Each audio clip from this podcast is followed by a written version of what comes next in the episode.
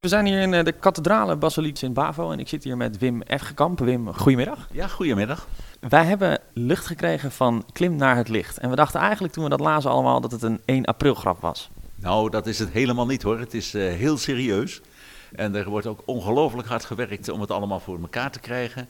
En uh, het gaat gewoon beginnen. En hoe zijn jullie nou op, op, exact op het idee gekomen om dan die route van toren naar toren met een loopbrug uh, te realiseren? Nou, het is zelfs nog meer, want je gaat niet alleen die torens en die loopbruggen over, maar je gaat ook nog gewelven over. Uh, dus je loopt onder het dak van de kerk, boven de gewelven.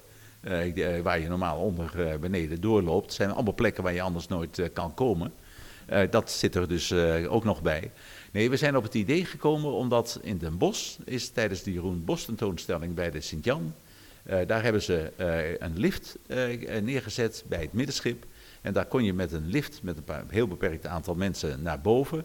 En dan zag je de prachtige gebeeldhouwde kunstwerken die daar op de schijbogen zitten. En dat heeft 125.000 bezoekers opgeleverd. En vervolgens is in Alkmaar, twee jaar later, dus dat was vorig jaar, is uh, de klim naar de hemel gedaan. En uh, daar hebben ze een heel groot stijgerwerk weer om de kerk heen gebouwd, zodat je dus boven over de nok van de kerk kon lopen naar het middenstuk van de kerk. En daar kwamen 93.000 bezoekers. En daar moeten we in Haarlem toch overheen kunnen, die 93.000 lijkt me. Nou, daar hebben we helemaal geen bezwaar tegen als dat gaat gebeuren. Eigenlijk is de Haarlemse kathedraal is behoorlijk onbekend. Uh, dat was ook in Haarlem, zeg maar, toch. Hij lag wat van de stad af, van de binnenstad af. Ja, het was een katholieke kerk. Hè. De, de, de Roomse mensen deden daar hun ding. En daar hadden we verder niemand had er wat mee te maken. Dus er zijn heel mensen zijn erin gekomen.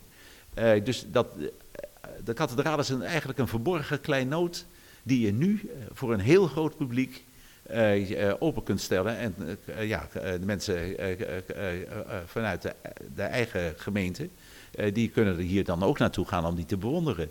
Het is het, uh, het klapstuk van een, uh, van een restauratie. Ja. En kunt u daar iets meer over vertellen? daar kan ik een hele avond over praten. we, hebben er, we zijn in het jaar 2000 begonnen om die kerk te restaureren. En het is dus nu 2019.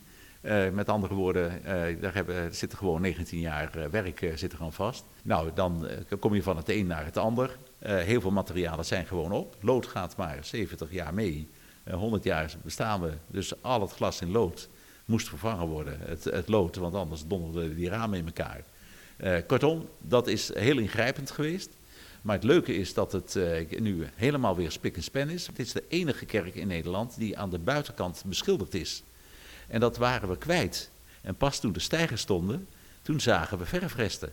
Dus er is eigenlijk een, een, verborgen schat gevonden, kunnen we wel zeggen. Nou en op. En dat is niet alleen aan de buitenkant hebben we van alles uh, bijzonders gevonden. Dat geldt ook voor de binnenkant.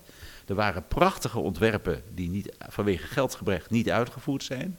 En een paar daarvan hebben we nu, na 100 jaar, weer kunnen aanbrengen. Vanaf 1 mei gaat het hier allemaal gebeuren, geloof ik, hè? Er is hier een kassa, maar als je het goedkoper wil doen, dan bestel je op www.klimnaarhetlicht.nl. En dan uh, ja, wijst het zich vanzelf uh, hoe je die kaartjes kunt aanschaffen. Nou, hopen dat Haarlemmers in, in grote getalen hierop afkomen. Wim Eggekamp, ik bedank u hartelijk.